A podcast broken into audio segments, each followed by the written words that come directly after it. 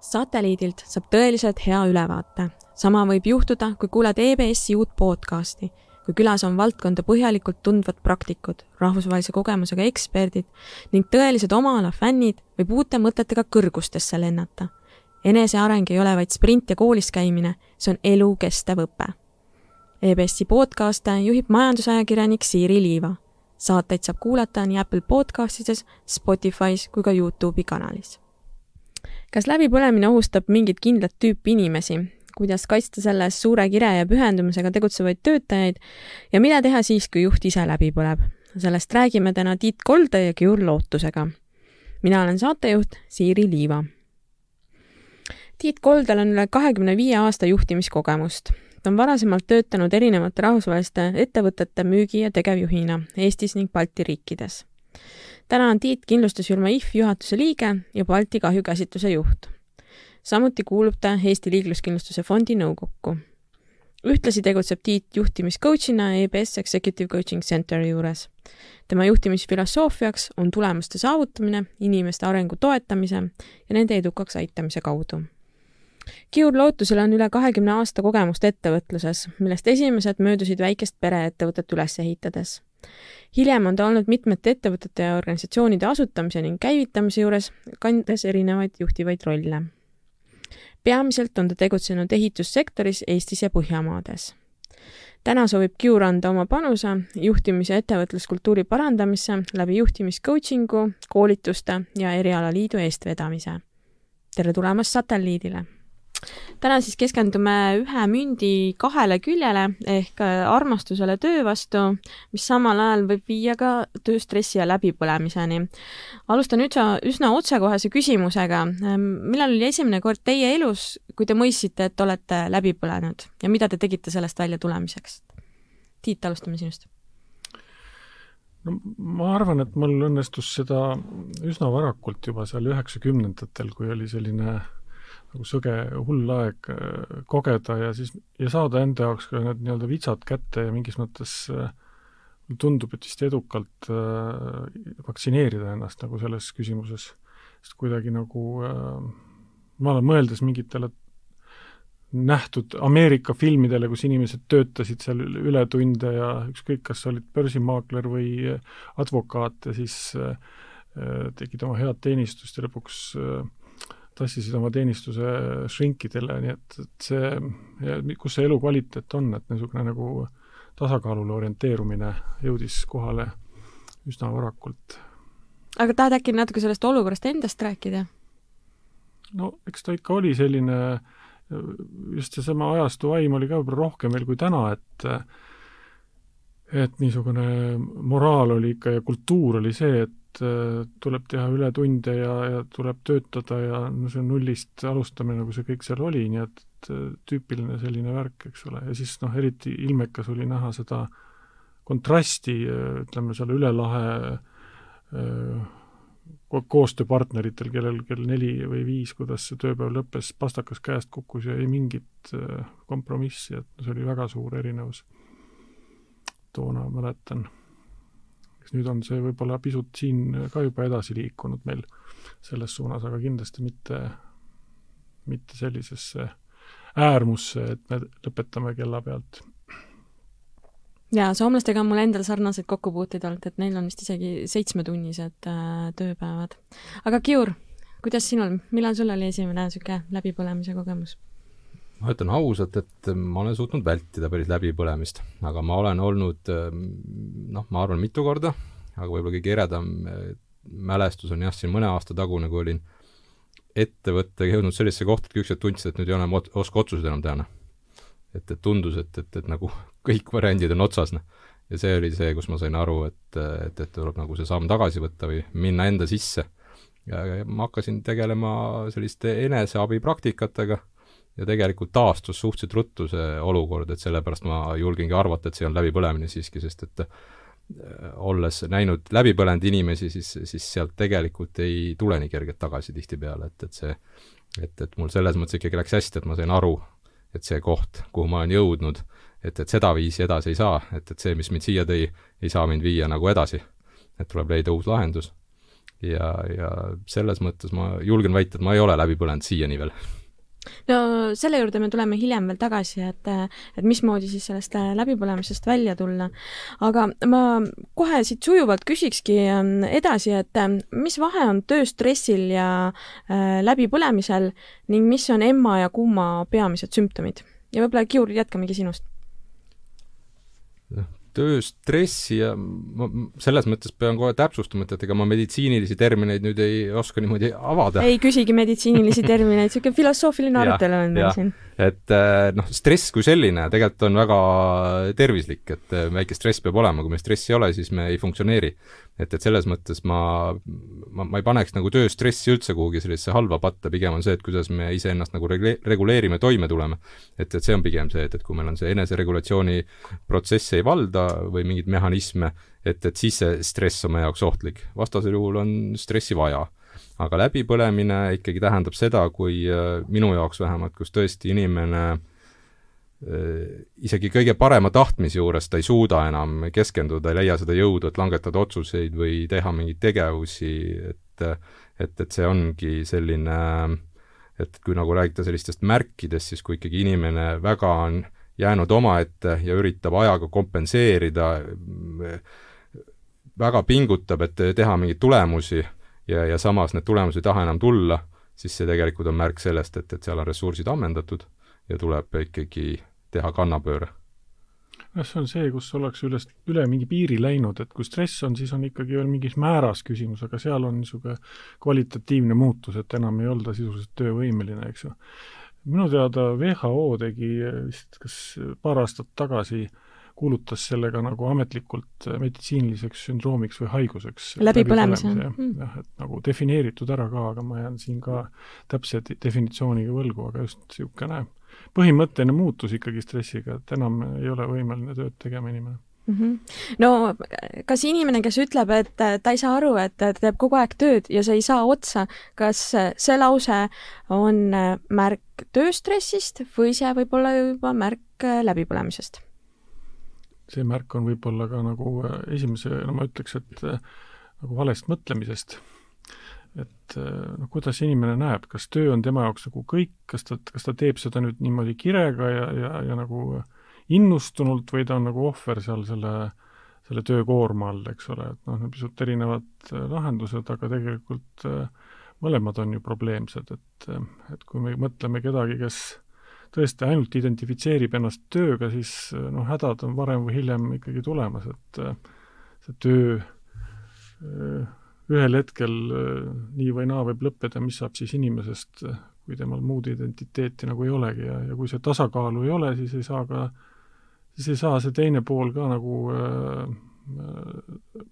areneda ja kui ollakse nüüd siis ohver olukorras, et äh, töö ei saa otsa, noh, see on tõesti võib-olla mitte tingimata ainult enda süü, eks, et on ka selle, kus ta seda tööd teeb, ettevõtte juhi, ma ei tea, teema, miks see nii on, et inimesel seda tööd nii palju seal on. Kiur, tahad midagi lisada siia?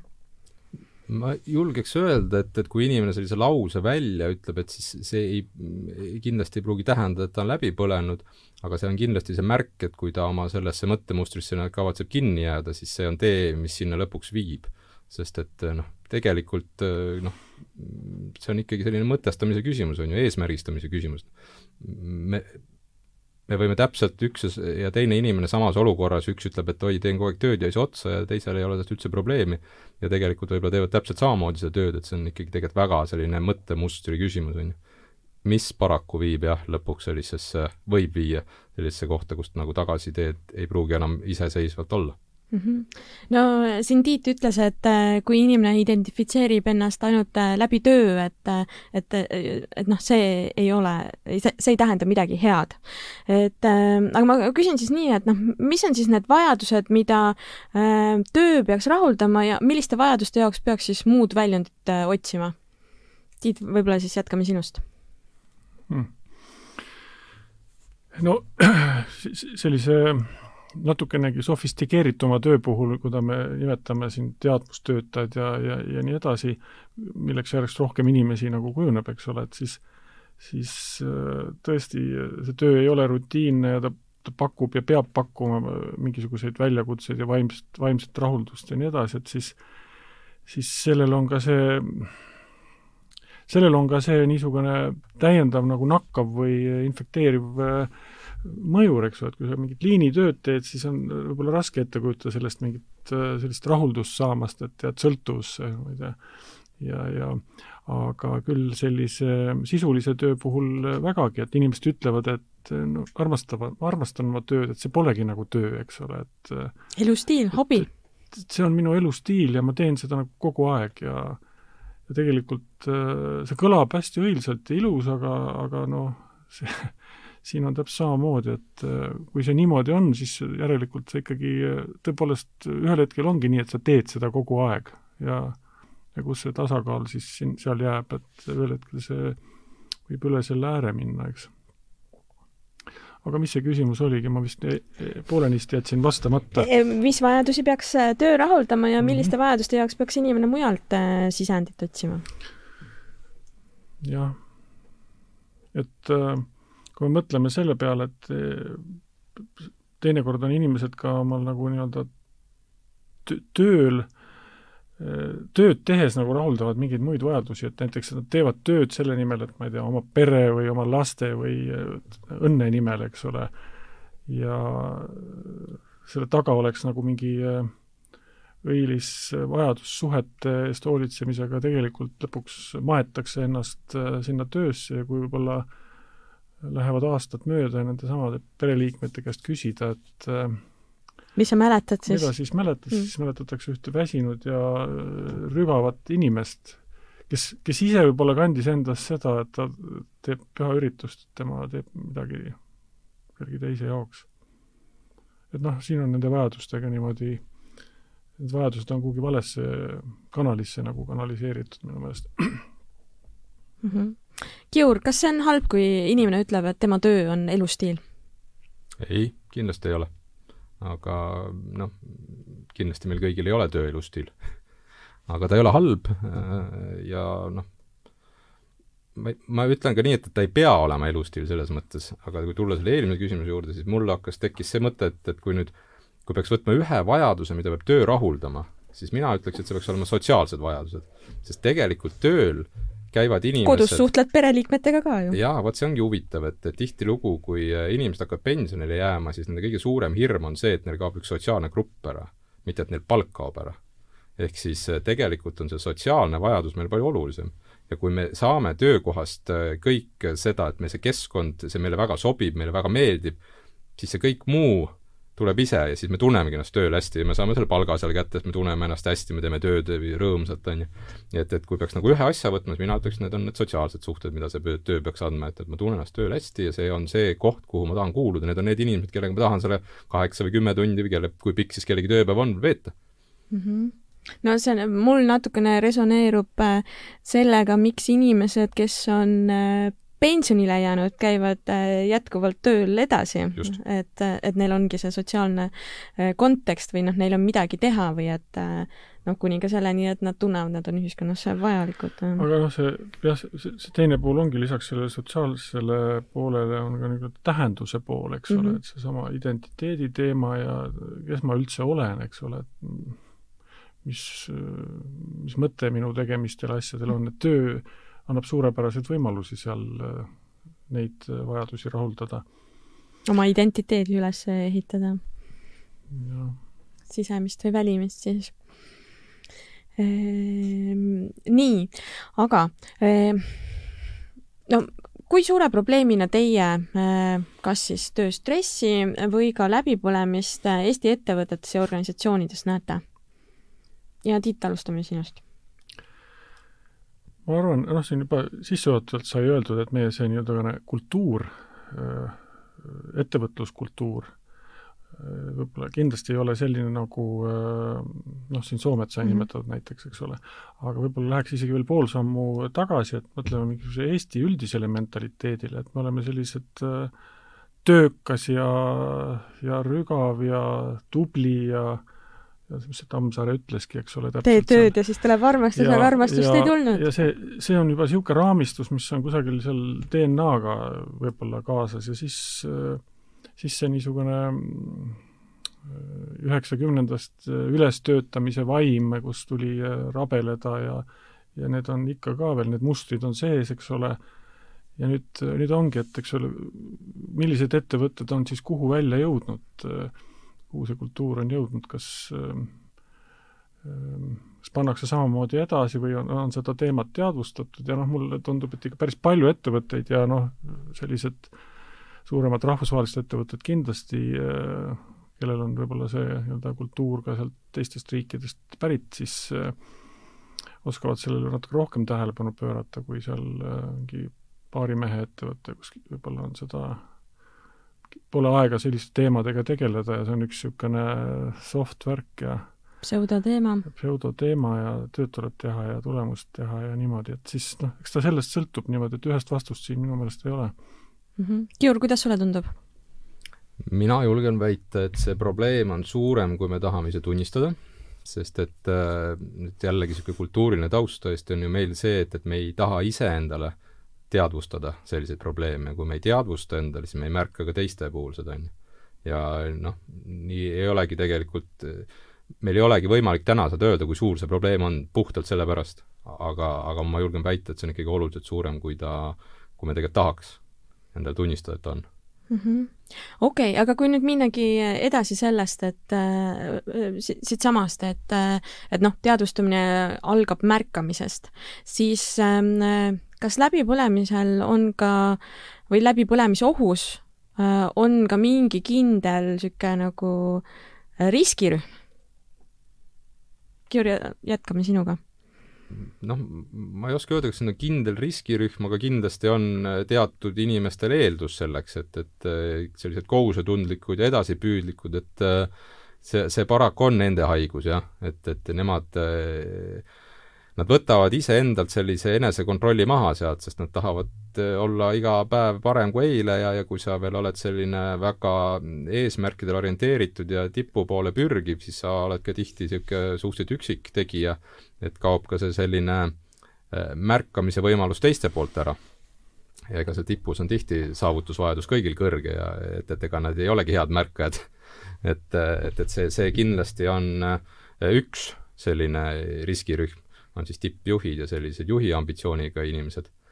Äh, aga teisest küljest äh, ma julgeks öelda, et ta ikkagi on äh, ka noh, ka üleüldiselt on ta organisatsiooni kultuuriga seotud, noh. ja meil on selliseid organisatsioone, et sa ei peagi isegi tippjuht olema, aga su töökoormus ongi kõrge ja sult oodataksegi ja sa oledki mingis sellises süsteemis ja kui ei ole jällegi, nagu ma ütlen, et seda sellist teadlikkust ja märkamist, noh, siis võib tegelikult igal positsioonil läbi põleda, et täitsa lihtne kontoritöötaja ja noh, tal ei sest noh, minu selline isiklik huvi neuroteaduse vastu on viinud mind selleni, et noh, tegelikult on see puhtalt meie ajukeemia tagajärg, on see läbipõlemine, on ju. et kui me ikkagi ei märka neid aju tunnusmärke, et kuuled, et nüüd on nagu liiale mindud, nüüd võta hoog maha, vaid pürime edasi, sest et meil on öeldud ja me tahame olla tublid ja, ja meil on veel mingid eesmärgid ja me ei ole osanud hästi eesmärgistada, me ei saa eduelamust ka, on ju. ja noh, siis see kahjuks aju üks hetk lülitabki välja ennast selles mõttes mm. -hmm. Tiit, ohustab läbipõlemine ennekõike teatud liiki töötajaid? ma täiesti nõustun sellega, et niisugused äh, tublid ja pühendunumad inimesed on äh, selgelt riskirühma poolest riskirühmale lähemal ja, ja tegelikult on siin õnnestunud kahjuks seda näha nagu äh, päris lähedalt mitmeid kordi, kus äh, mitmed sellised väljapaistva saavutusega inimesed äh, kes on noh, et vaatadki, kuidas on üldse võimalik niisuguse tulemuslikkusega töötada ja, ja ükskord no nii, et see ei ole nagu lihtsalt teoreetiline, teoreetiline üldistus praegu, aga seda on, seda on nagu kõrvalt nähtud, et et ei ole ikka see inimene nagu tehtud rauast ega, ega kivist, vaid lihast ja luust ja nendest närvidest ja ja sellega nii-öelda mängida ja kogemuse puudumisel minna üle piiride, siis varem või hiljem see, see juhtub. aga noh, siin ennem sai mainitud ka, et minu meelest on ka see teine nii-öelda, üks on sellised nii-öelda kohusetundlikud ja ja pühendunud, aga teised on sellised, kes võib-olla on, on nii-öelda selles positiivsemas skaala otsas, et nad, nad tõesti nagu naudivad seda ka, aga nad panevad lihtsalt tänu sellele üle, et nad ei tee seal ööl ega päeval vahet, et noh, see on niisugune nauding, aga lihtsalt füüsiliselt ühel hetkel see ületab selle piiri võib-olla mm. -hmm. ja noh, riskirühmas on kindlasti need, kes, mis, mis keskkonnas nad on, eks ole, et kui ikkagi kaaslased ei aita seda märgata või ülemused või ümbritsevad inimesed, siis risk on seda suurem mm. -hmm no sa ütlesid, et sa oled ise lähedalt näinud inimesi, kes nagu noh, sõna otseses mõttes on nagu säraküünlad, et noh, et mhm. tundub äh, arusaamatu või, või võimatu, et kuidas nagu inimlikult on, on, on sellised nagu, selline tulemuslikkus võimalik. võib-olla sa natuke kірjeldad, et noh, et milles niisugune nagu üliinimlik äh, äh, nagu tulemuslikkus väljendub? no just üldse säraküünal on jube hea metafoor, et tõesti, et noh, me kõik teame, kui ereda liigiga ta põleb ja tõesti silmnähtavalt võrreldes tavalise küünlaga ja siis see on nii lühikene, ühel hetkel on suss valmis. aga noh, ma mõtlesin siin äh, selliseid näiteid, kus äh, inimene tegelikult on silmnähtavalt võimekas ja tohutu töövõimega ja tema kalender on täis niimoodi, et noh, seal ei ole pause vahel ja tal lülitub see multitasking, mida tegelikult äh, kas saab või ei saa tegelikult teha, võib tõsiselt vaielda, aga no inimene lülitub kogu aeg ümber, ümber ja siis sa vaatad seda kõrvalt, kuidas see üldse kõik võimalik on. ometigi see nagu on, aga see on kõik nagu mingi võla võtmine, eks ole, et, et seda, seda, seda lõdvestust ei toimu seal vahepeal ja, ja ja noh, see on jällegi niisugune, Kiur oskab selle kohta paremini öelda, mis seal ajus sellel, sellel hetkel toimub, aga just see niisugune, see nii-öelda pinge mahalaadimine ja uuesti mobiliseerimine, noh, seda on vaja teha seal vahepeal mm. -hmm. ja nüüd just tüüpiliselt, et kui on palju tööd ja hästi palju erinevaid ülesandeid, koosolek ajab koosolekut taga, üks teema vaheldub teisega, siis siis kus see, kus see lõõgastus tuleb seal mm. -hmm.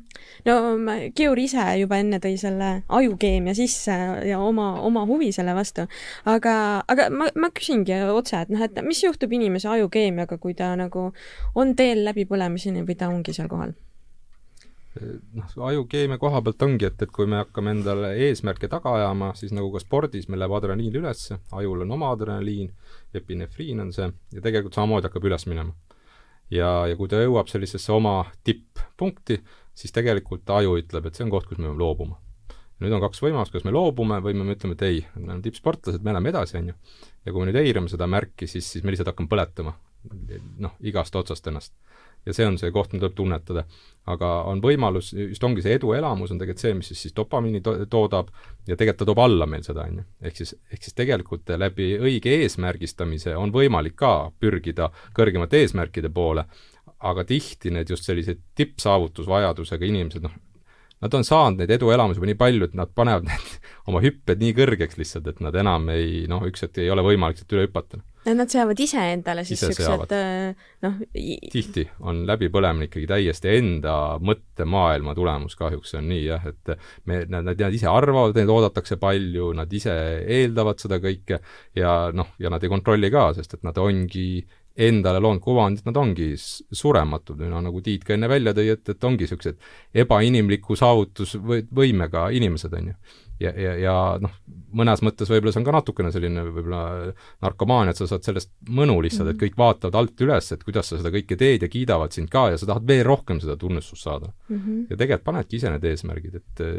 väga harva on see, et keegi teine paneb sulle nii hullu eesmärgi, millest üle hüpata, sest et et on see organisatsiooni kultuur, mis ta on, aga iga juht ja ettevõtte omanik tegelikult tahab tulemust teha, mitte inimesi läbi põletada mm. -hmm. ja ilmselgelt ta paneb eh, need eesmärgid, eh, mis ta arvab, et on reaalsed eh, maksimumi võtmiseks, aga kui see eeldab, tähendab, et tal seda inimest kahe aasta pärast ei ole, siis ta ei paneks seda eesmärki et, et see on ikkagi inimeses endas puhtalt kinni tegelikult mm. -hmm. ja nagu ma aru saan, siis ka tema nagu enesekuvandis, et, et noh, kui ta nagu laseb lõdvemaks või ei pinguta nii palju, et siis ta no ma ei tea, ta tõenäoliselt tunneb, et ta on iseennast alt vedanud või ei ole piisavalt hea mm. -hmm. tihti isegi need inimesed arvavad, et äkki nad veavad teisi alt, et nad nagu iseendaga noh, nad nad on iseendaga tihti väga hästi sina peal aga nad millegipärast arvavad, et kedagi teist veavad alt, aga jah, seal on ka see mina komponent kindlasti sees, jah mm. -hmm okei okay., ei no praegu hakkasin ise nagu mõtlema, et mingites olukordades, kus ma ise sean endale kõrge eesmärgi,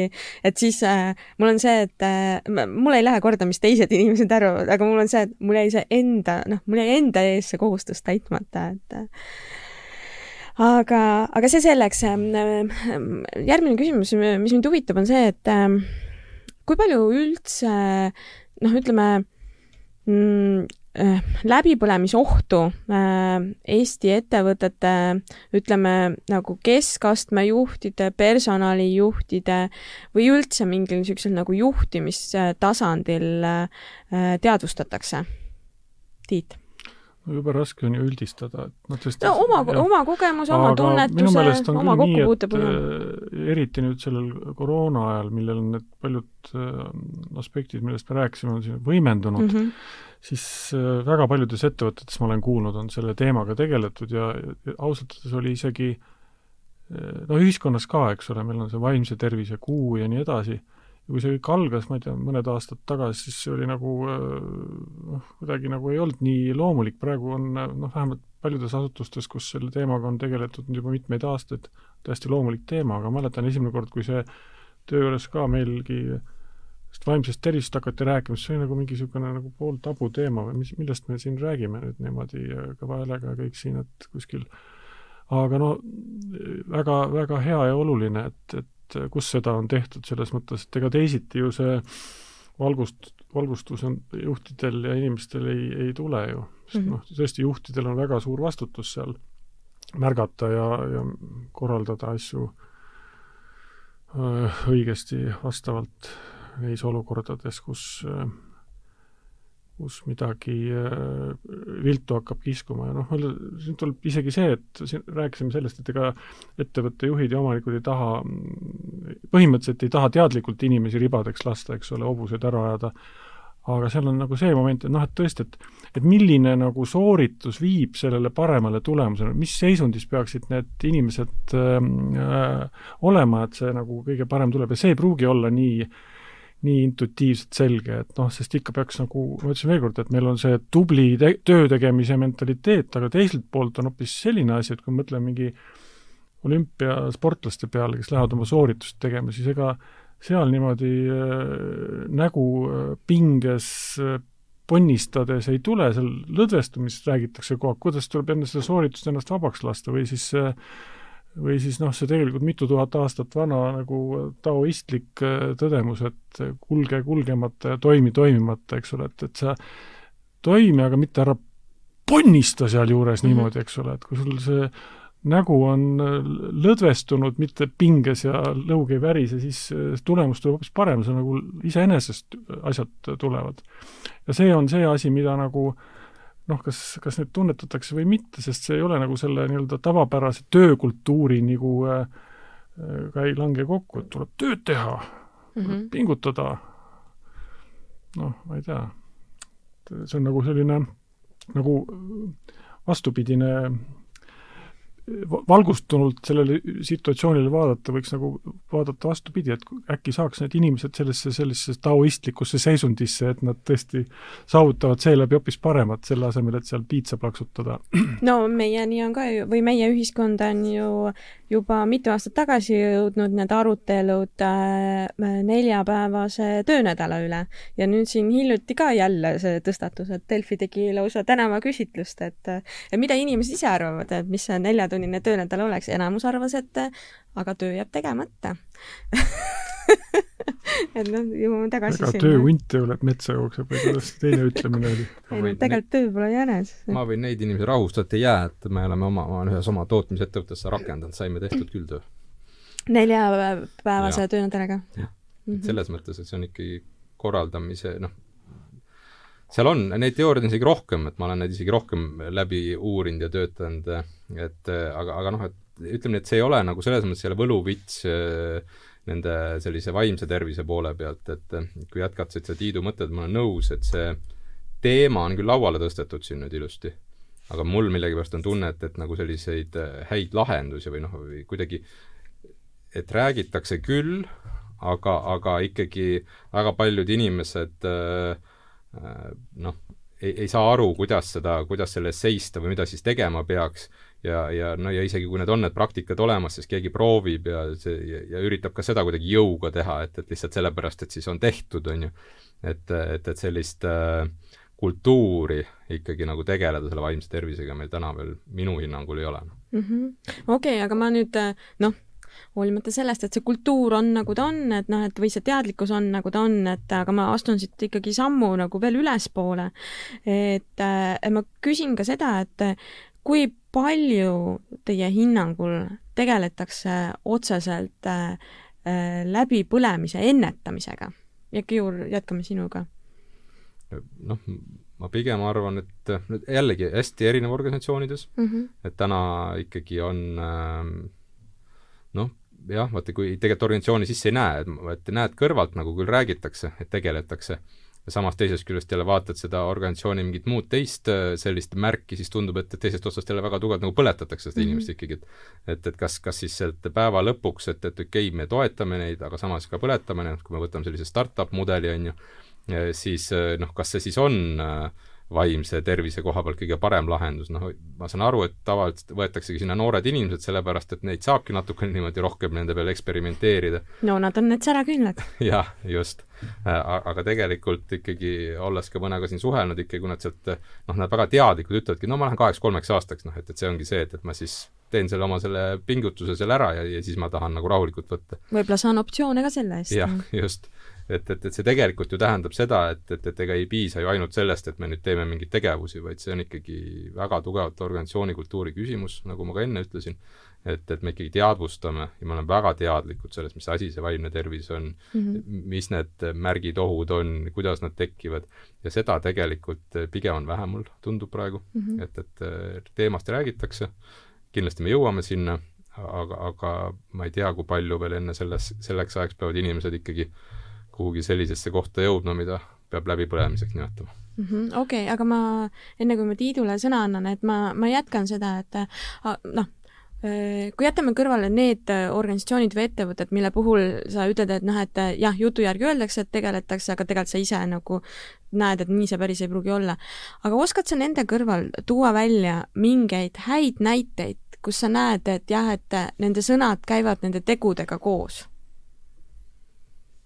Noh, see on hea küsimus, et ma ei ole tegelikult ju niimoodi analüüsinud neid ettevõtteid, neid ettevõtteid on, ka Eestis on neid, et äh, no kui tuleb midagi pähe. jah, et äh, ja võime pärast ka selle küsimuse juurde tagasi tulla. jah, ma pean mõtlema tõesti, et kas mm -hmm. ma mhm. oskan kohe sellise hea näite välja tuua, neid on, et ei saa üldse öelda mm, -hmm. ma mhm. tean isegi täna, jällegi ma seda ettevõtet ise ei tea, aga kus ma tean, et eh, loodi ka tegelikult startup, aga juhid eh, või loojad ise olid juba sellises vanuses, lapsed, väike, väiksed lapsed olid, lepiti kohe kokku, et, pikki tööpäevi ei tehta mm -hmm. ja, ja noh, sellised mängureeglid, kui on, kui ta on osanike tasandil kokku lepitud ja, ja selle järgi nagu elatakse, siis ikkagi see oht on väike, et, et seal nagu inimesed ka iseennast saaks nagu kuritarvitada kuidagi. sest et noh, tegelikult ikkagi meie organisatsioonid joonduvad ikkagi lõpuks omanike käi-, käitumise järgi, on ju okei okay,, ma saan aru, et äh, ühesõnaga väga oluline on siis juhtide või omanike eeskuju siis? no tegelikult on, et kui juht mm -hmm. ütleb teistele, et ärge tehke ületunde, aga ise teeb kakskümmend neli tundi, siis ikka on, kuskil on need kohusetundlikud töötajad, kes ütlevad, mul on paha tunne, et ta nüüd jääb ja mina ei jää, on ju. Mhm. et, et selles mõttes juht ikkagi peab väga täpselt aru saama, millist eeskuju ta annab tegelikult mm. -hmm Tiit. see oli sama asi, mina tahtsin tegelikult äh, võtta sealt sõnasabast kinni, et et jah, olgu see ettevõte või omanikud millised tahes on suuremad ja väiksemad ettevõtted, aga lõpuks inimese kõige lähem nii-öelda see tasand on tema vahetu juht, eks mm -hmm. ole. ja selle inimese määrata on ikka üsna palju. loomulikult noh, mingi mäng käib üldiste mängureeglite ja mingisuguse üldise ettevõtte kultuuri järgi, aga inimese, juhil ja juhil on ikka suur vahe, et ja nüüd see kas ettevõttes või kas konkreetsed äh, töötajad äh, kogevad, mida nemad kogevad, sõltub äh, nüüd nii-öelda, kui valgustunud need juhid on, kui palju kogemust on ja need, seesama nii-öelda need kampaaniad ja see tegevus, mida, millest me siin rääkisime, mida ettevõtted ette võtavad, et noh, ühel hetkel see võiks nii levinuks muutuda, et enamus juhte nagu saab sellest aru ja, ja võtab seda juba nagu järgida ka aga seni, kuni ta on ikkagi niisugune mingisugune kõrvalteema ja mingi HR stuff ja ma ei tea, mis kauge värk, ebapraktiline, siis noh, on, on ka vähetõenäoline, kui ei ole isiklikku kogemust ka juhtidel, nii et et see on ja selle konkreetse juh-, juhtide vastutus väga oluline ja mm -hmm. nende määrata see, see mänguväli seal mm. -hmm no jah, ma,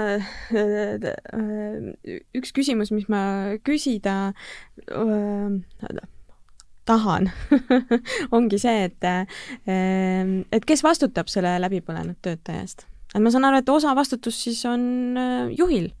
saan ma õigesti aru, Tiit?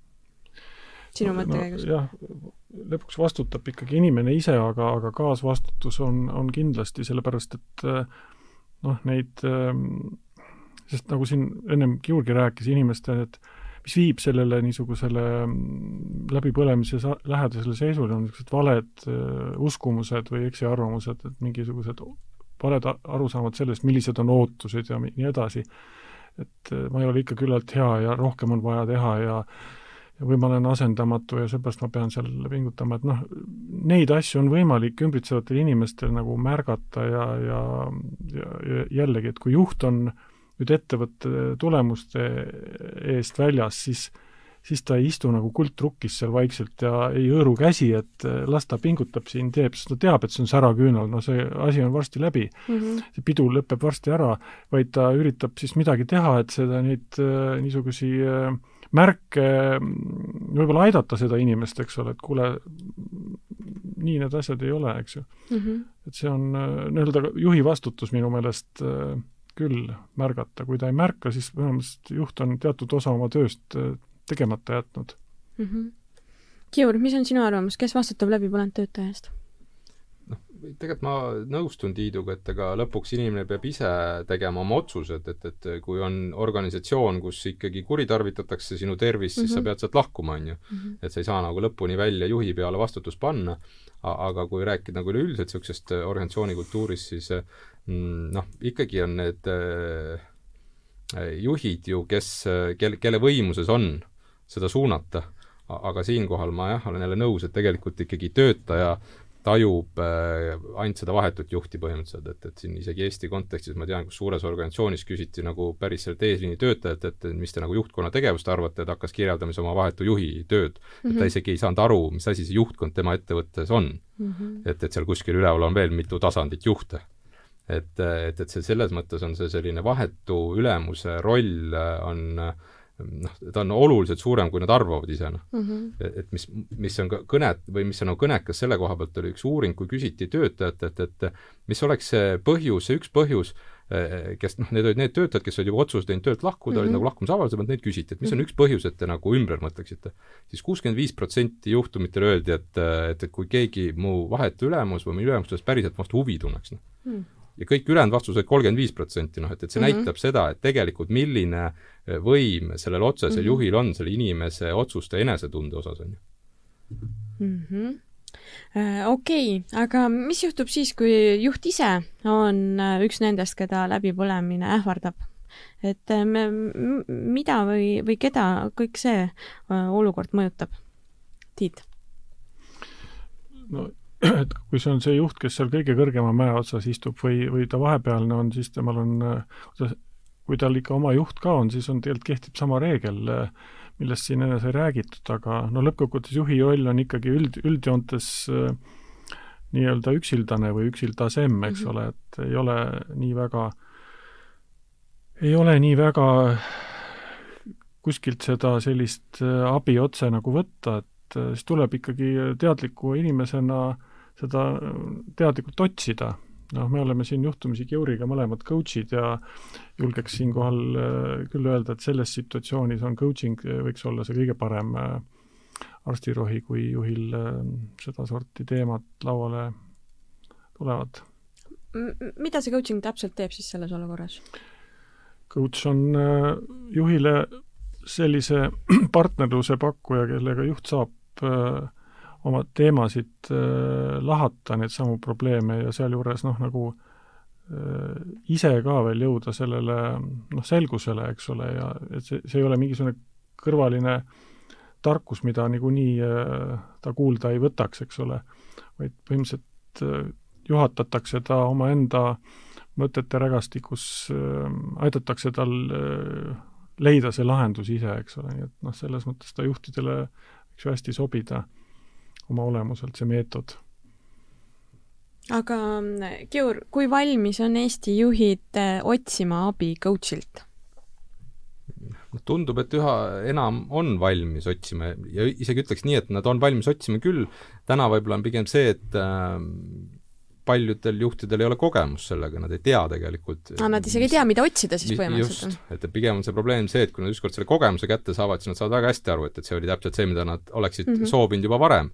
Aga, aga kui, kui ei ole kogemust, siis kuidas otsida, on ju, noh ja kui siis võtta see, et, et meil on siin life coach'e ja jumal tea, mis coach'e veel, noh siis see, see, see, see termin ise ei anna nagu vastust mm -hmm. tihti juhile mm. -hmm. et, et see on võib-olla täna see murekoht et mida võiks nagu juhtil võtta, jälle üks niisugune teadvustamise küsimus on ju noh, et et ja, ja mis ma ütleks veel selle võib-olla Tiidu jutu juurde, et miks see coaching on efektiivne, on see, et mina julgen väita, et see ongi see nende valede uskumuste murdmine, on ju. Mhm. et me usume midagi, aga kui me seda ise usume, siis me seda kinnistame, noh, see on meie selline eripära, on ju, et me otsime ju tõendit sellele, mida me usume, me ei otsi ju vastutõendit tavaliselt, on ju ja kui nüüd on coach, kes küsib, et äh, kas või ühe küsimuse, et oled sa kindel, et see on nii, kui kindel sa oled, noh ja kui ma siis nagu kõhklema löön, siis ma hakkan ka vastutõendeid otsima, et nagu võib-olla tõesti on siin mingi muu alternatiiv ka, on ju. et, et selles mõttes on ta äärmiselt äh, lihtne tööriist iseenesest, aga tei-, teisest küljest inimesed jah, ei saa tihti sellega ise hakkama, et, et siin on see selline kõrvalvaade äh, on oluline ja noh, juhtimiscoaching selles mõttes on äh, selline ikkagi äh, äh, väga konkreetne ja õpitud tegevus, et see ei ole nii, et, et iga, igaüks võib küll öelda, et ta on juhtimiscoach mm, -hmm. aga mhm. tegelikult ikkagi, kui vaadata, noh, ta on ikkagi, sa õpid neid oskusi ja e-, kasuks tuleb, et noh, minu arust ma väga ei teagi, et kellel endal eelnevat kogemust ei oleks, et igalühel on ka oma kogemus. ehk siis see tegelikult annab võimaluse ikkagi olla selle juhiga samal tasandil ja mõista mm, -hmm. mis tema sees toimub mm. -hmm okei okay,, no teie mõlemad olete coach'ina töötanud ja noh, tõenäoliselt te olete ka nagu oma töös äh, näinud siis äh, või teie poole siis on nagu pöördunud inimesed, kes on siis kas seal äh, läbipõlemise äärel või ongi juba läbi põlenud äh,. kui kui kaua aega teil läheb äh, sellega, et nad nagu ise siis jõuaks selle järelduseni või nagu selle tõdemuseni, et, et nad ongi nagu jõudnud nagu sellesse situatsiooni või, või kui kaua nad nagu tegelevad selle olukorra eitamisega?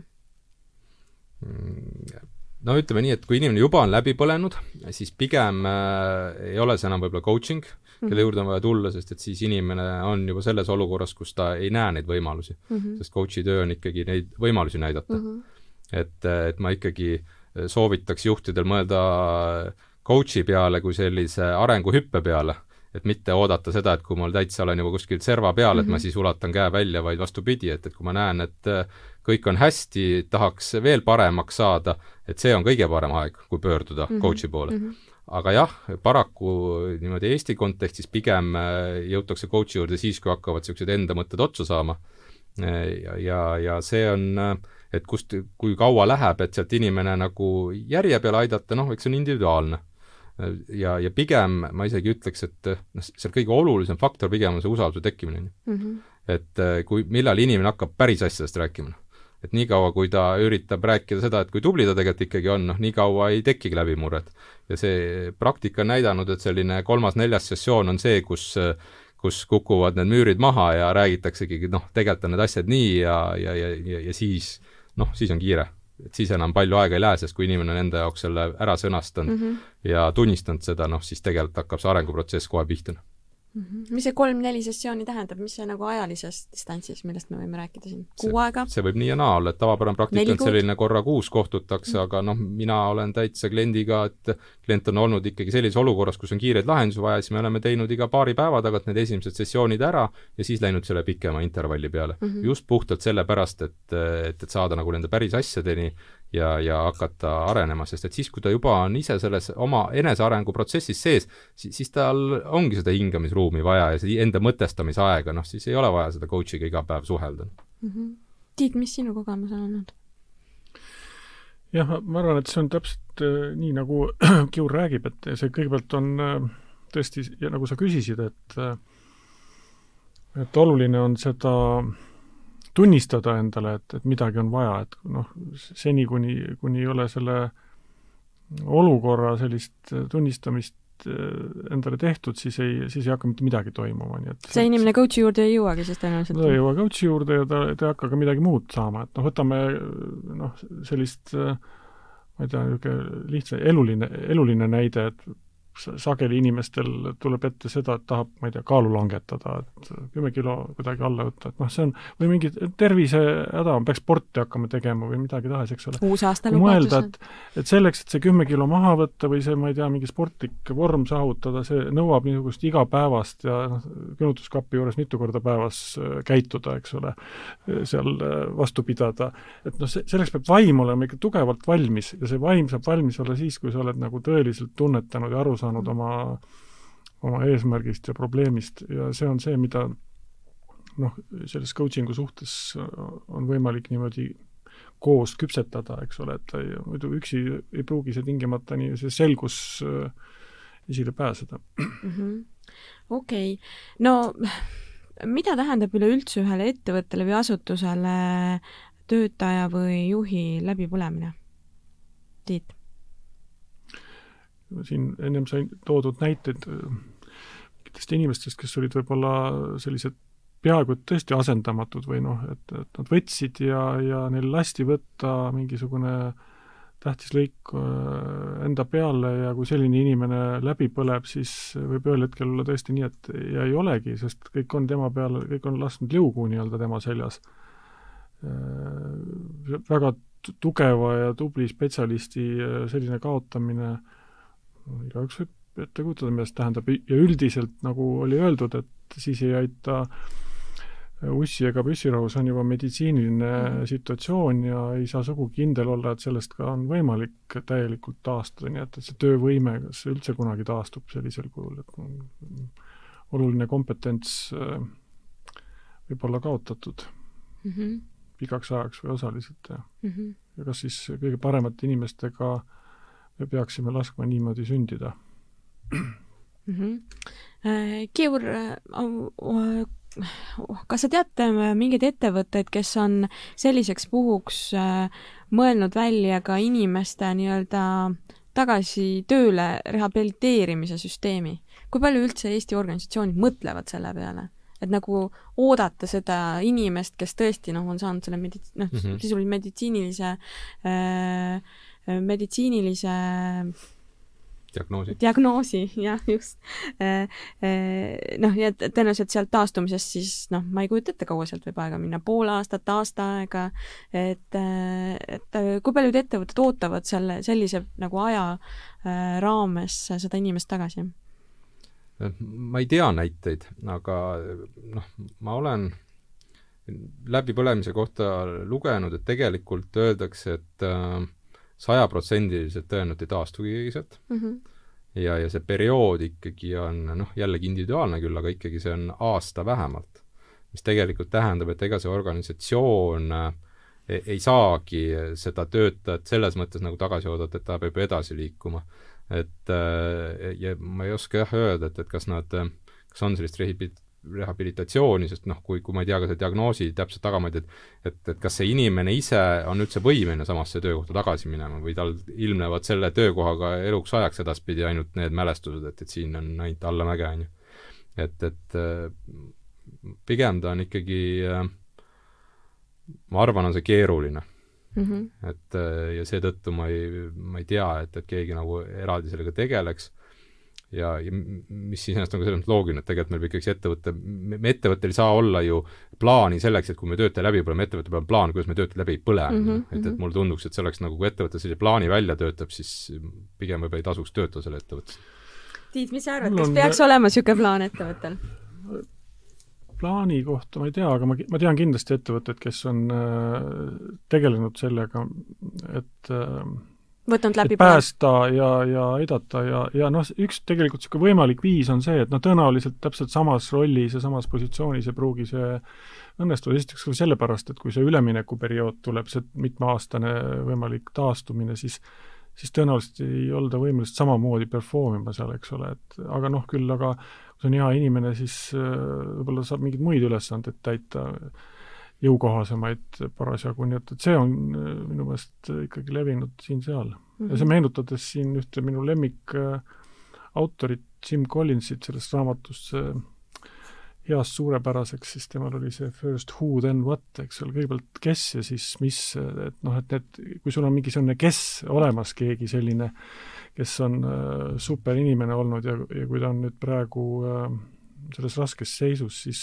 äh,, siis see teine koht seal bussis võib olla olemas temale täiesti mm. -hmm. no minul on näiteks kolleeg, kes äh, viidi infarktiga oma töölaua tagant äh, haiglasse, siis ta mõnda aega taastus, ta tuli organisatsiooni tagasi oluliselt rahulikumale tööle ja nüüd äh, ta on tagasi sealsamal töökohal, kus ta nagu sealt alguses nagu äh, haiglasse viidi et eh, noh, seda ma ei tea, kas ta ise teeb seda tööd sama intensiivselt, kui ta siis tegi. võib-olla midagi õppinud vahepeal, jah. Eh, no jah, et, et siis ma ei töötanud seal, et aga ma lihtsalt nagu tean seda lugu.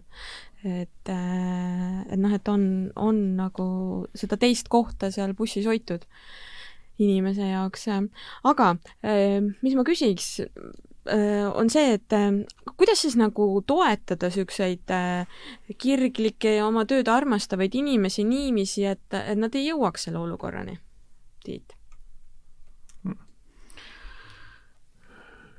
no üks asi on üks niisugune lihtne tehnika, mis ma arvan, et noh, loodetavasti ikkagi kuulub enamus juhtide nii-öelda instrumentaariumisse, on üks-ühele vestlused, eks ole, regulaarsed, mis äh, see on nii lihtsad, et lihtsalt äh, kohe absurdne mõeldagi, et seda kuskil ei tehta, aga noh, annab võimaluse kuidagi nagu hoida sellist kontakti ja ja raportit ja, ja natukene rohkem olukorrast ülevaadet kui see, mida, mida paistab kõrvalt, eks ju. et ta on sisuliselt nagu niisugune intensiivne, sage arenguvestlus, et selle aasta arenguvestluses äh, inimene läheb, äh, võtab ennast, hingab sügavalt sisse ja läheb nii-öelda vaibale ja peab jul-, julgelt selle tunni aja vastu, aga kui niimoodi see kasualiseerida, muuta selliseks regulaarseks, siis need äh, nii-öelda kaitsevallid langevad ja noh, paratamatult ja vältimatult äh, tekib loodetavasti selline suhe, et noh, et peaaegu et võimatu on mitte märgata mingeid niisuguseid ilminguid, eks ju. et see on üks asi ja, ja noh, ja siis juhi enda tähelepanelikkus, et mitte teha neid valesignaale, et kui on, on endale teadvustatud, et et sellist valekultuuri ei taha kultiveerida, et ma ei, ei saada seal meile õhtul hilja ja ei, ei, ei anna ülesandeid järgmiseks hommikuks olgu tehtud ja kuigi, kuigi elu su-, sunnib peale mis tahes. noh, nii, nii-öelda, et eks see nimekiri on pikk mm. -hmm Kior, mis sa lisaksid siia? soovitused kirglike no. inimeste hoidmiseks? Kui võttagi seesama teadmine, et tegelikult tihti on probleem valesti seatud eesmärkides, siis üks meetod kindlasti ongi, et seadke koos neid eesmärke. et ärge laske seada inimestel eesmärki, mida nad ei suuda nii kergelt saavutada ja hakkavad ennast põletama, on ju. ja loomulikult on see ka selline noh, nagu ma ütlesin ka enne, isiklik eeskuju mm. -hmm. et, et ärge öelge, noh, see, tõenäoliselt ei tööta, kui te ütlete, et oi-oi, et hoidke oma tervist, on ju, ja siis ise rügan on ju kõvasti, et noh, need eh, eesrindlikud hakkavad järgima teid igal juhul, et, et see on paratamatus, on ju. norm. jah ja., just. et ärge seadke selliseid norme, et, et, et kui on, kui te tahate hoida seda tervist ja vaimset poolt, siis näidake, kuidas see käib ja juurutage seda kultuuri mm. -hmm. et ega see muud moodi ei tule, noh mm -hmm okei okay., no sa enne tõid niisuguse äh, võrdluse või näite, ma nüüd äh, huupi sõnastan seda, et äh, tipus on hõre ehk et see noh, tippjuhtide seetõttu mhm. see läbipõlemine, läbipõlemise oht on ka siis äh, kõrgem, aga tänases olukorras me ju äh, kodukontoris, me olemegi kõik seal täiesti üksinda.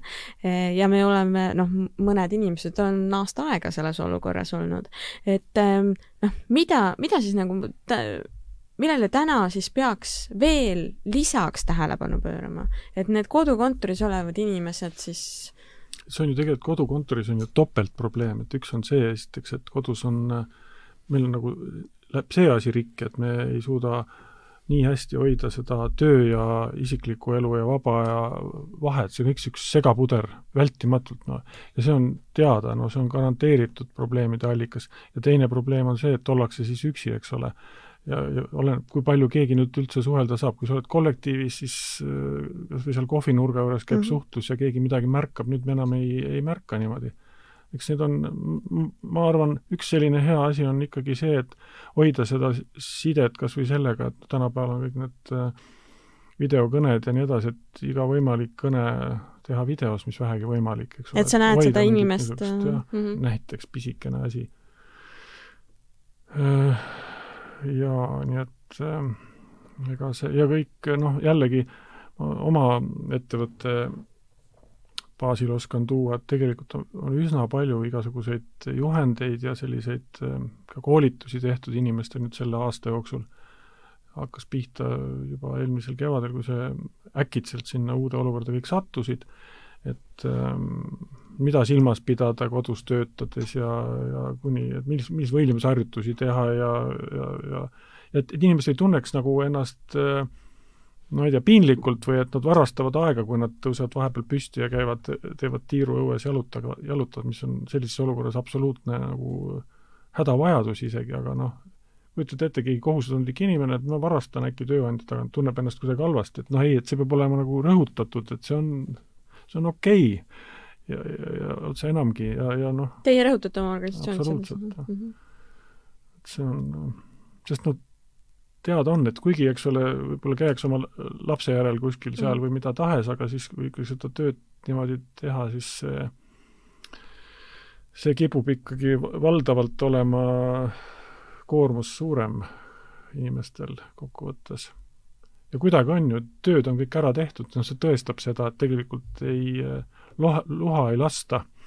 et mis on ilmselt olnud suurele osale inimestest suur üllatus, sest noh, mina küll ütlen, et noh, nagu ma, ma isegi üllatun, et see mind üllatas aga nii on, et nii hästi on tegelikult nagu kõiksugu äh, ärid tehtud saanud niimoodi äh, distantsilt, eks ole noh, inimesed ju, no võib-olla nad kardavad ka oma töökoha pärast, et praegu mm. ikkagi paljud inimesed kaotavad ka oma töö, et, et siis tuleb nagu ka vaeva näha ja, ja teha asjad ära ehm,. aga Kiur, mis sina arvad, millele peaks just praegu eriti tähelepanu pöörama? jah, võib-olla natukene selles mõttes, kui nüüd Tiit oli niimoodi positiivne siin lõpus, siis mina julgen väita, et me tegelikult oleme neid tagajärgi veel näinud mm, -hmm. mis see kodus töötamine tähendab kui ma puhtalt juba enda kontekstis vaatan, siis mina kodukontorit, ma olen kunagi äh, alustanud ettevõtlusega, siis ma pidasin kodukontorit äh, paar aastat ja ma täna enam ei suuda seda, ma ütlen ausalt, sest et see mille pärast? just seesama, et, et ma ei saa enam, ma ei saanud lõpuks aru, et kas ma nüüd töötan või ma olen kodus, ma ei teinud kumbagi põhimõtteliselt enda meelest, noh. ja see hakkab et see äh, keskkond, keskkonnad peavad ikkagi erinevad olema? ja, ja, ja pigem see ongi, mis minu selline lahendus, mina olen täna näiteks sellega hädas, et olles selline esimeselt hariduselt arhitekt, siis loominguline inimene, siis minu jaoks on see äh, loomingulisus hästi oluline, ükskõik mis rollis ma olen, ma lähenen asjadele loominguliselt. ja ma olen avastanud või avastasin enda jaoks, olin avastanud ükskord selle, et kui mul ähm, oli vaja midagi täiesti uut mõelda, siis ma pidin keskkonda vahetama, tihti käisin, leidsin mingeid kohvikuid ja söögikohti mm, -hmm. kus ma sain niisuguse nurga endale, mida täna ei ole, noh ja see on minu jaoks mingi hetk, kui see mulle kohale jõudis, et, et mul ongi noh, kodus ma ei taha väga tööd teha, väga harva ma võtan arvuti seal välja, ja kui mul on siis see kontor, noh õnneks ma saan käia kontoris, on väike, et ma ei ole seal nagu kellelegi oh, ohuks, et, et mul see võimalus on olemas, aga mul puudub see selline kolmandasse kohta mineku võimalus, noh. ja, ja noh, ma olengi hakanud lihtsalt jalutamas käima kuskil, vaatadki, lähedki, jalutad mõnes uues kvartalis ringi, vaatad maju, et, et, et see, see keskkonnamuutus on nagu väga olulise tähtsusega, et sellest peavad nagu inimesed aru saama, et, et kui me ei te, tee seda keskkonnamuutust, siis me tegelikult noh, varem-hiljem see noh, töö tulemuslik hakkab langema lihtsalt. et, et see tunne, et need saab ju tehtud küll, aga no me tegelikult ju ei tea, mille arvelt see tehtud saab. ja, ja tegelikult see pidevalt selline Zoomi kohtumised, mina näen selles nagu väga suurt ohtu, et et on järsku nii mugavaks läinud, et me saame kõigiga rääkida et ma pigem julgeks soovitada organisatsioonidele, et tehke neid töökohtumisi vähem seal Zoomis ja võtke nädalas üks selline kohtumine, kus te ei räägi tööasju, võite küll Zoomis kohtuda, aga, aga ärge tehke ainult neid tööasju, sest et see selline noh, ma ei tea, Zoomi palavik või, või selline mingisugune vastuolu hakkab ka, mulle tundub, vaikselt tekkima juba inimestelt, et no välismeedias on päris palju lugusid sellest, et how to fight uh, Zoom fatigue, et noh, et kuidas ja. sellest, selle Zoomi väsimuse vastu uh, võidelda mm. -hmm aga noh, eks aeg surub meid tagant, et selle sisulisele arutelule tõmbame kohe joone alla. viimase, viimane küsimus, mis ma küsin, on see, et mis on teie soovitused mida peaks inimene ise tegema või mis aitaks teda uh, hoida ennast joone peal, et ta sinna läbipõlemiseni ei jõuaks? ja Tiit, alustame sinust noh, teadvustada endale, mida ma tahan. mis mu elu eesmärk on? kõlab niimoodi üldiselt, aga et äh, ma ei saa kutsuda üles nagu äh, kuidagi mingisugust laisklemisele siin, sest me räägime praegu inimestest, me räägime inimestest, kes me räägime sellest situatsioonist, kus on inimesed, kes on nagu saavutajad ja säravad inimesed ja kuidas nemad väldiksid seda, ega mm -hmm. aga no tõesti teadvustada endale seda tasakaalu oma nii-öelda tööidentiteeti ja muud, et noh, ma mõtlen, et see aitab nagu selle kompassi loodetavasti äh, paika panna ja siis sa teed ka need õiged öö, äh, otsused seal äh, igal hetkel, kui see häälestus on õige. et tead, millal nii-öelda pidurit tõmmata ja, ja millal võtta see puhkehetk. ma kahtlustan, et see probleem on nagu selles jah, et seda nii-öelda ei ole endale teadvustatud ja siis lihtsalt pannakse ja siis juhtub noh, nagu rutiinis pannakse, aga see niisugune nagu äh, võidusõiduhobused. võib-olla see on nüüd halb võrdlus, aga mm. aga Kiur, mida sina soovitaksid? Ma kõigepealt ütleks Tiidule, et, et me ei kutsu üles laisklema, aga Fred Jussi ütleks, et moljutage. jaa, mm. moljutamine on, see on imeline sõna. Kivirähk, Kivirähk ütles samuti ja. ja see on just klassikute, kes ja. õigel teel. ütleks, et, et, et ilmselgelt et nüüd on kindlasti viimane aeg, kui te ei ole seda teinud, et õppige nüüd ennast tundma, tehke eneseanalüüsi sest et äh, praegu on praegu võimalik palju iseendaga olla ja seda aega tuleb selleks kasutada, sest et ei ole sellist ühtset mingisugust äh, võluvitsa, mis kõigile toimib, on ju.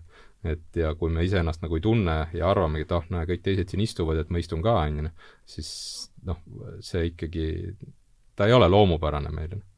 ja, ja tuleb võtta see aeg teha see eneseanalüüs, ennast tundma õppida, kui tundub, et te ise ei hakka hammas peale, leidke keegi inimene, kellega koos seda teha, noh jällegi siin mina ütlen ausalt, et inimtüübilt olen tugev introvert, olen teinud elus seda palju, aga kui ma tulin seda coaching'u esimest sellist kahepäevast õpet siin tegema, kus sa pead nagu teiste inimeste ees seda tegema või noh, teise, oma grupis koos seda tegema, see nagu avas mingeid uusi tahke et sa, et sa julged nagu välja öelda mingeid väga isiklikke asju ja, ja see viis minu oskus nagu eneseanalüüsi teha hoopis teisele tasemele, on ju.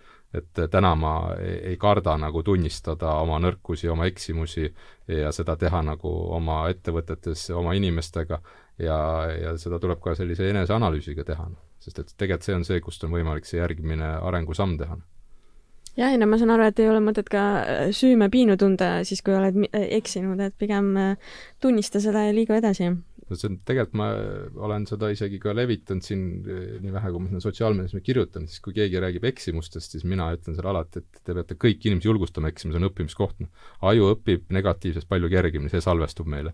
et kõik toredad asjad on väga toredad, aga kui me eksime, siis me salvestame, me õpime ja analüüsime noh et julgustage inimesi eksima, see on väga oluline, et inimesed eksiksid mm. -hmm okei okay., no meie lõpuosas on niisugused kolm traditsioonilist küsimust, ähm, kus ma, kus ma kutsun teid ka niisuguseid isiklikke soovitusi jagama, et äh, esimene küsimus on see, et mis on see üks juhtimisraamat, mida sa soovitaksid lugeda kõikidel, keda paeluvad äh, juhtimisteemad? Tiit mm ma vist juba ütlesin äh, selle ütlesid välja juba Jim Collins Good to Great või Heast suurepäraseks, et seal on mm -hmm. päris mitmeid häid äh, niisugusi äh, nagu põhimõtteid toodud ja see raamat iseenesest on sündinud ju sellise huvitava me metodoloogiaga, nagu temaga teised raamatud, et nad on analüüsinud äh, suure hulga ettevõtteid niisuguse põhjalikult läbi ja siis katsunud leida ühisjooni, mis need nii-öelda seal mis neil ühist on ja siis on jõudnud nendele järeldustele ja see, see üks, mida ma sealt nendest kuuest või seitsmest järeldusest eriti tooks esile, on just seesama, et see first who, then what, et mm -hmm. kõigepealt et, et inimesed, õiged inimesed on nagu äh, üli, ülitähtis ja sellest jah, ma arvan, et see on raamat küll, mida igaüks võiks lugeda mm. -hmm. Georg, sinu raamatusoovitus? no mina soovitaks sellist raamatut, mis võib-olla alguses tundub, et, et, et võib-olla ei ole nagu juhtimisraamat. ma ise vähemalt arvasin, et ta ei ole, aga kui mm -hmm. ma, kui ma pealkirja lugesin, et see on siis kolme no, Ameerika tippjuhi poolt kirjutatud raamat, kirjutasid siis eh, oma enda coach'ist, nad kahasse sellise raamatu nagu Trillion Dollari Coach on eesti keelde ka tõlgitud, Schmidt, Rosenberg ja Iigel olid need juhid siis, ja, ja kui alguses võib arvata, et see on nagu coach idele kirjutatud raamat, siis tegelikult seal on väga palju selliseid väga teravaid juhtimisi ja just samamoodi, kuidas meeskonda kokku panna, mida jälgida. et eh, noh, minu jaoks oli ta väga selline, andis väga palju kinnitust nendele asjadele, mida ma, mille üle ma olin varem juba juurelnud ja tegelikult äh, igal juhul soovitan juhtidele, et see näitab ka tegelikult seda, et, et et mida see coach tegelikult on võimeline tegema su organisatsioonis sees, noh mm. -hmm. see raamat on mul endal ka kodus olemas. nii, teine küsimus, mis on see üks soovitus, mida sa alati juhtimise kohta annaksid ja Kiur, jätkame sinust Äh, ma siin võib-olla ka natuke oleks niisugune mitte nüüd liiga originaalne, sest et tegelikult äh, OSCD siin oma eelmisel aasta ühes üllituses tõi välja, et aastaks kaks tuhat kolmkümmend viis kõige olulisem oskus, mis peab olema töö- ja hariduskeskkonnas, on empaatia. aga kui vaadata juhtimisraamatut, siis väga palju sellest ei räägita. Ja, ja minu jaoks ta oli selles mõttes huvitav üllatus, ma ei olnud kunagi mõelnud selle peale, et ma ise olen noh, jällegi tulles niisuguse oma eripära juurde, et olen alati millegipärast juurelnud, mida teised inimesed mõtlevad ja ja, ja, ja võib-olla peakski nagu ütlema, et empaatia ei tähenda seda, et ma, et sa oskad kellelegi kaasa tunda või, või või noh, et pead muretsema millegi pärast, et empaatia tegelikult tähendabki seda, et ka sa, et kas sa suudad aru saada teise inimese vaatenurkadest ka, noh. ja, ja noh, tegelikult igale juhile ma soovitangi seda, et, et ärge eeldage, kui teile tundub, et ei saa aru, miks see inimene niimoodi käitub, siis küsige talt et, et olge empaatiline selles mõttes, et, et seal on põhjus taga, noh. Te olete olulised, teil on lihtsam otsuseid teha, kui te mõistate teise inimese seisukohti ja miks ta nii käitub mm. -hmm, väga hea. nii, Tiit, sinu üks soovitus juhtimise äh, kohta? minu üks selline soovitus ja põhimõte ja uskumus tugev on äh, see, et juhil tasub äh, tugevalt suurem, kui ta seda teeb, äh, tähelepanu suunata sellele, et oma alluvat, äh, oma, oma tiimi inimesi edukaks aidata. tegeleda nii-öelda nende edukaks aitamisega, mitte töö korraldamisega, mitte juhtimisega, et noh, see on nagu selline et kui see nii-öelda uskumus on paigas ja see kompass on niimoodi paigas, et siis, siis lihtsalt head asjad hakkavad juhtuma, sellepärast et äh, ja pikka juttu ei taha teha, aga noh, piltlikult öeldes, mida edukamad su alluvad on, seda äh, seda, seda vähem on sul vaja endal jännata ja seda kergemini tulevad tulemused ja kui sa paned oma fookuse sinna, nii palju, kui sul vähegi seda äh, jagub ja, ja, ja natukene rohkem, siis äh, oled õigel teel. põhimõtteliselt aitad neil lendu tõusta. Mm -hmm. ja viimane küsimus, mis on see, kas tavaline oskus või juhtimisoskus, mida sa tunned, et enda juures pead veel arendama? ja Tiit, jätkame sinuga. mul on äh, ma, ma kohe tahan kangesti oma kuulamisoskust ja, ja seda oma nii-öelda hobuseid hoida, et ma ei torma alati mingit situatsiooni nähes või probleemi nähes mõttes seda lahendama.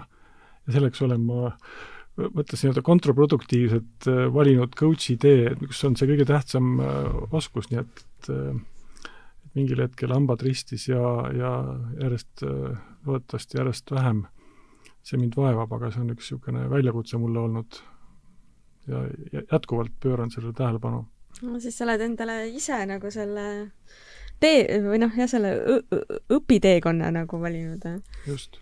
jah, nii, Kiur, mis sinu puhul on see? hästi huvitav oli kuulda, et tegelikult minu puhul on, ma nüüd sõnastan ta küll teise sõnaga, aga tegelikult see on sama asi, mina ütlengi, et see ongi kannatlikkus mm. -hmm. ja, ja, ja ma avastasin äh, selle, et ma pean seda õppima, sellele, kui Nelson Mandela rääkis, et mis on kõige olulisem asi, mida tema õppis oma isalt, kes oli hõimupealik, oli see, et kui siis hõimupealik või tema isa istus siis nende hõimuvanematega niimoodi ringis koos, siis ta isal oli ainult üks põhimõte juhtides. et tema oli alati viimane, kes rääkis, ta alati kuulas teised ära ja siis ma sain ise ka aru, et, et, et mida ma teen, olen teinud siiani või noh, varem tegin, milles ma eksisin, oli see, et, et et sa paned kohe oma mingi idee või mõtte lauale, on ju. mis siis juhtub, on ju, ruumis on see, et, et kõik noh, tundub päris hea, on ju, teised ei räägigi midagi. ja, ja mingid ideed lähevad kaduma, noh. ja siis ma sain aru, et, et, et, et see, et mul neid ideid võib-olla genereerib hästi kiiresti, siis tegelikult ole kannatlik, noh. et sa jääd ilma millestki väga väärtuslikuks, kui sul seda kannatlikkust ei ole oodata mm. -hmm noh, kuulamisoskus ja kannatlikkus on, äh, ma võiks öelda, et ühed populaarsemad asjad, mida inimesed selles saates toovad enda arendamist vajavate külgedena välja, nii et, äh, et äh, jõudu teile sellel teel mm.. igatahes aitäh tulemast, aitäh, Kiur aitäh, Kiur, aitäh, Tiit. Selli-, see, selline oli siis seekord meie tänane saade, aitäh ka kuulajatele ja järgmise korrani! aitäh! aitäh! See oli EBS-i podcast Satelliit. kuula meie teisi saateid nii Apple podcastidest, Spotify'st kui ka Youtube'i kanalist